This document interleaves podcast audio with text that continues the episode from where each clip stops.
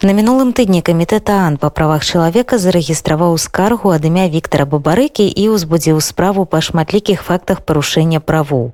Юрысты былы адвакат Бабарыкі Зміцер Лаеўскі патлумачыў нам падрабязнасці звароту, асаблівасці працэдуры і пажаданыя вынікі мы звярнуліся ў камітэт э, па правах чалавека аан таму што гэта спецыяльны міжнародны орган які мае паўнамоцтвы разглядаць індывідуальнае паведамленне грамадзян наконт парушэння іх правоў якія гарантаваны міжнародным пактам аб грамадзянскіх і палітычных правах. Рэспубліка Беларусь ратыфікавала гэты міжнародны пакт аб грамадзянскіх і палітычных правах і таксама факультатыўны пратакол да яго які менавіта і тычыцца вось кампетэнцыі камітэта па правах чалавек і гэта значит значыць что па-першае Рэспубліка Беларусь прызнала свой абавязак выконваць правы людзей якія прадугледжаныя міжнародным пактам. А па-другое гэта значыць што Рэспубліка Беларусь прызнала кампетэнцыю камітэта па правах чалавека разглядаць індывідуальныя паведамленні грамадзян наконт парушэння ёю іх правоў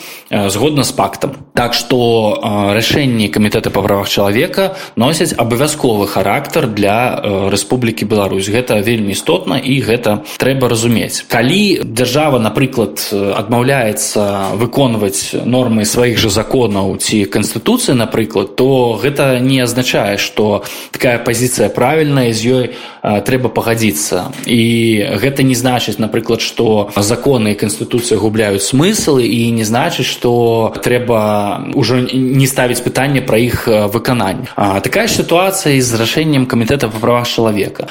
То бок тое што сённяшняя Рэспубліка Беларусь не прызнае для сябе абавязковы характар рашэнняў камітэта па правах чалавека гэта не азначае што такая пазіцыя правамерная і не азначае што так будзе заўсёды Таму што стан рэчаў можа змяніцца змяніцца хутка у любы момант невядома хто і на якой пазіцыі будзе праз год знаходзіцца хто будзе ва ўладзе праз год так таму мы павінны выкарыстоўваць гэтую магчымасць каб у патрэбны момант мець у руках вось гэты магутны аргумент менавіта рашэнне камітэта ООН па правам па правах чалавека. Таму што і, і гэтае рашэнне ніхто не можа абскардзіць. Гэта вышэйшы орган па гэтых пытаннях у свеце і разам з аргументамі нашай скаргі на прысуд. Мы будзем мець вось гэтае рашэнне камітэта па правах чалавека і гэта будзе безумоўная прававая кропка у тым што не было і няма падставаў для асуджэння Віктора Дмітровича і што ён павінен быць вызвалены і судзімасць павінна быць анулявана працэдура згодна з якой увесь працэс будзе адбывацца яна наступная. Зараз вось зарэгістравана гэта індывідуальнае паведамленне. Яно накіроўваецца я думаю яно ўжо накіравана камітэтам па правах чалавека у бок дзяржавы. І Рэспубліка Беларусь мае зараз тэрмін да 6 месяцаў дзеля таго каб даць адказ. Адказ на само гэта паведамленне і на нашу прававую пазіцыю. Пасля таго як гэты адказ накіраваны дзяржавай у бок камітэта па правах чалавека ён накіроўваецца нам і мы можам даць свае пярэчанні ну ці каментар. Далей гэта ўсё зноў накіроўваецца дзяржаве і дзяржава можа ўжо рабіць пярэчанні наконт таго што адказалі мы. І у прынцыпе пасля гэтага лічыцца што працэс камунікацыі завершаны і гэтае індывідуальнае паведамленне можа ўжо разглядацца камітэтам. Але ёсць такі нюанс што паколькі гэтую працэдуру прызнаюць больш за 100 дзяржаў у свеце то камітэт ну мае пэўнае фізічнае абмежаванне. Значыцца ён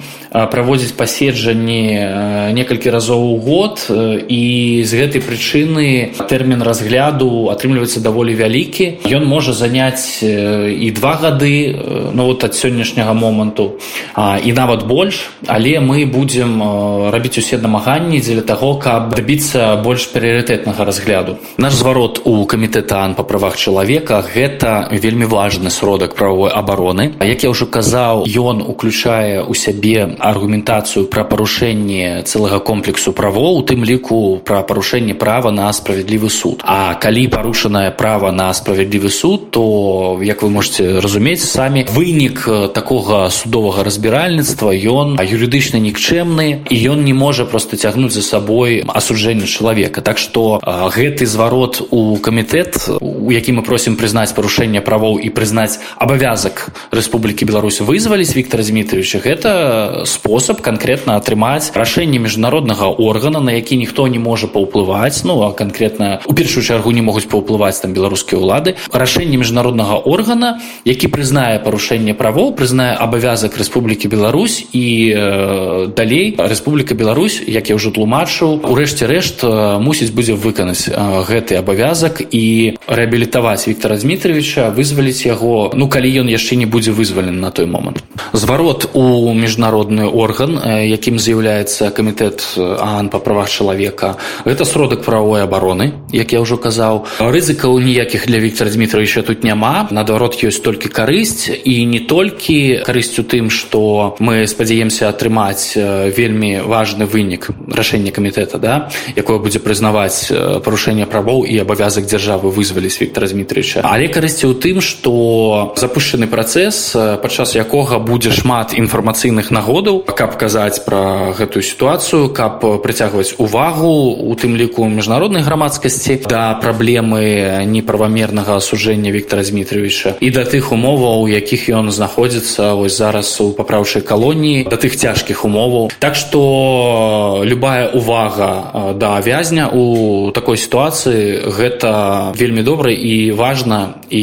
дзякуй што такая правая магчымасць у нас ёсць. Для любога чалавека знаходжання у папраўчай калоніі гэта вялікае выпрабаванне але вот у дачыненні да Віктора Дмітриевича перыядычна адбываецца даволі моцны ціск і гэта звязана самымі рознымі абставінамі ну перманентна ёсць сітуацыя з тым што Эдуард бабарыка знаходзіцца ўжо амаль два гады ў зняволенні і гэта бадай што наймацнейшы ціск які ў прынцыпе можа быць на Віктора Дмітриевича тому что ну сын разумееце па-другое умовы працы і умовы умовы бытавыя яны складаныя але вот у апошні час яшчэ дадалося до да гэтага гісторыя са спагнаннямі і штрафны ізалятар. Гэта пакуль што такая была пікавая сітуацыя. Віктор Дмитриевич 10 суток прабыў штрафным ізалятары ў вельмі цяжкіх умовах. Але я тут павінен сказаць что ён трымаецца вельмі мужна вельмі годна вельмі моцны чалавек і дай бог яму здароўя. Калегі мае якія яму дапамагаюць у гэтых всех сітуацыях звязаных з калоніяй яны працягваюць працягваюць працаваць і пэўны эфект ад гэтай працы ёсць ну а мы звяртаем увагу усіх неабыякавых людзей на тое што чым больш